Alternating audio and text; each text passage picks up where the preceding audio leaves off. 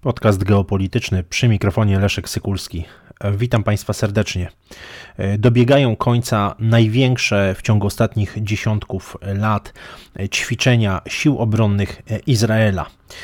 Przedwczoraj, we wtorek, dziesiątki myśliwców izraelskich sił powietrznych wykonały manewry powietrzne nad Morzem Śródziemnym, symulując tym samym uderzenie w irańskie obiekty jądrowe.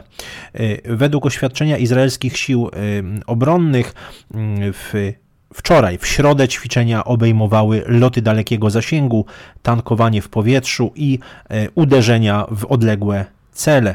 Szacuje się, że podczas tych ćwiczeń, które mają, noszą kryptonim Rydwany Ognia, które rozpoczęły się 9 maja, a zakończą się e, jutro 3 e, czerwca 2022 roku.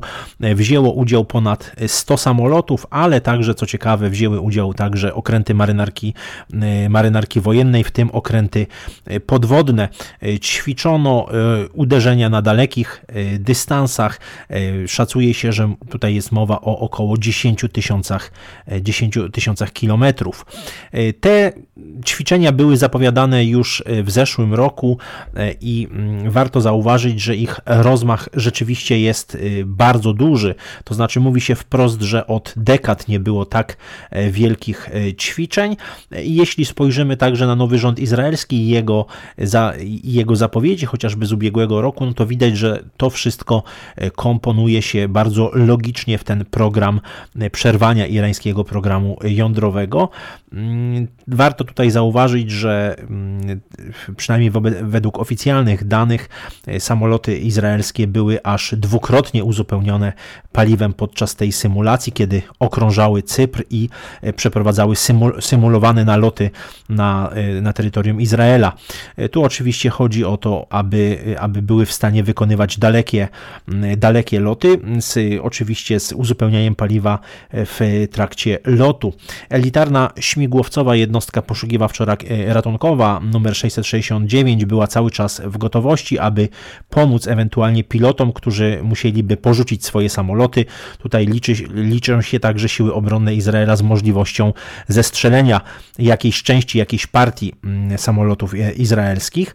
No bo jednak musimy sobie zdawać sprawę, że Izrael y, symulując, czy przeprowadzając ćwiczenia wojskowe pod kryptonimem Rydwany Ognia, symuluje atak na bardzo dużą skalę. Tutaj nie mówimy o y, jakimś pojedynczym obiekcie, który miałby być zniszczony y, na terenie Islamskiej Republiki Iranu, ale mówimy tutaj o zmasowanym uderzeniu powietrz, powietrznym, no, w tym przypadku powietrzno-rakietowym, lotniczym, no i także zapewne z wykorzystaniem jakichś bezzałogowców. Oficjalnie mówi się o, o tym, że celem mają być wyłącznie obiekty nuklearne, chociaż nie można wykluczyć, że e, symulowane są także uderzenia w systemy dowodzenia, w systemy także być może kierowania e, państwem Islamską Republiką e, Iranu. Tutaj warto zauważyć, że IDF, czyli właśnie siły obronne Izraela, skupiały się nie tylko na tych uderzeniach powietrznych, rakietowych na terytorium Iranu, czy na symulacji tych, tych uderzeń, ale także na szkoleniach do walki na północnych granicach Izraela, w tym oczywiście przeciwko wspieranej przez Iran, e, przeciwko przez Iran Hezbollahowi e, w Libanie. To wszystko jest oczywiście na kanwie omawianego przeze mnie wielokrotnie mm, y, procesu negocjacyjnego, jeśli chodzi o powrót y, do umowy nuklearnej z 2015 roku. Wiemy doskonale, że te rozmowy w Wiedniu bardzo mocno się przeciągają. Donald Trump, który zerwał jednostronnie tę umowę nuklearną y, z Iranem, był wielkim przeciwnikiem jej kontynuowania. Wiemy dobrze, że zmiana w Białym Domu i e, sama postać Joe Bidena jest, e, taką, jest takim politykiem, który, który chciałby tutaj bardziej, e, no, powiedzielibyśmy, koncyliacyjnego podejścia do tej, do tej umowy. Natomiast od chwili, kiedy Naftali Bennett został premierem państwa Izrael, widać zupełnie i zmianę retoryki, zmianę tonu establishmentu izraelskiego, oficjalnych władz, jeśli chodzi o sprawę umowy nuklearnej z Iranem, jak i konkretne decyzje wojskowe. Bo przecież na początku 2021 roku, o czym już także wielokrotnie mówiłem w podcaście geopolitycznym, szef sztabu sił obronnych Izraela, generał Aviv Kochawi, ogłosił, że polecił wojsku rozpocząć opracowywanie nowych planów uderzenia na Iran. We wrześniu 2021 roku generał Kochawi raportował, że mm, siły zbrojne Izraela, czyli właśnie IDF, znacznie przyspieszyły przygotowania do mm, właśnie takiej operacji, do takiego, e, no, oficjalnie jak to się mówi, przeciwdziałania programowi nuklearnemu e, Teheranu.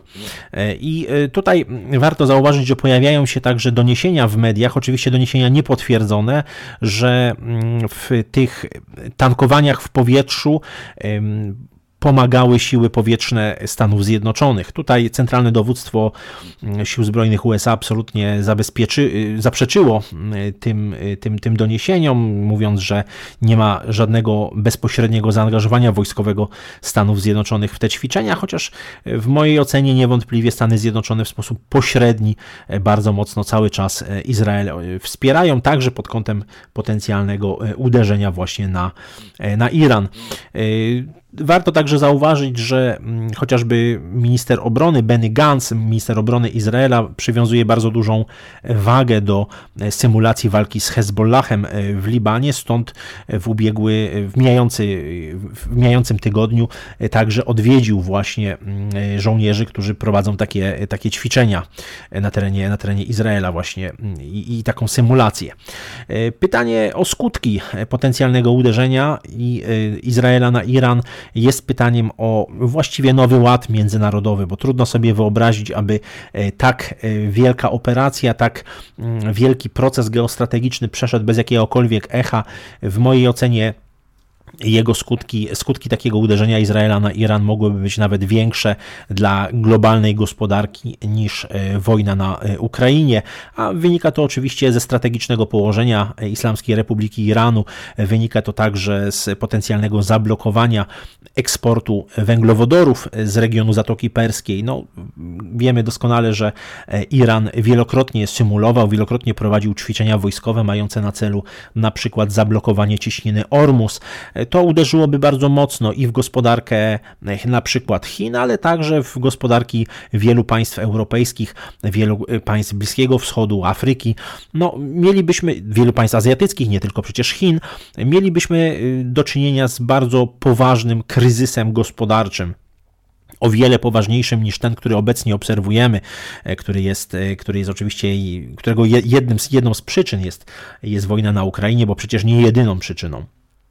W mojej ocenie to uderzenie Izraela e, na Iran jest całkiem prawdopodobne. Nie, podda, nie, nie, nie, nie, nie pokuszę się tutaj o prognozowanie, kiedy mogłoby realnie, e, realnie nastąpić. Natomiast biorąc pod uwagę te liczne zapowiedzi mm, nowego rządu e, izraelskiego, przede wszystkim premiera Naftalego Beneta, Benego Gansa, ministra obrony, ale także właśnie generała Aviva Kochawiego, szefa sztabu mm, IDF, widać, że te przygotowania są bardzo, ale to bardzo zaawansowane i myślę, że e, te, te ćwiczenia, które skończą się jutro, 3 czerwca e, pod kryptonimem Rydwany Ognia są takim, e, takim no, można powiedzieć, kluczowym akordem w tych, w tych przygotowaniach.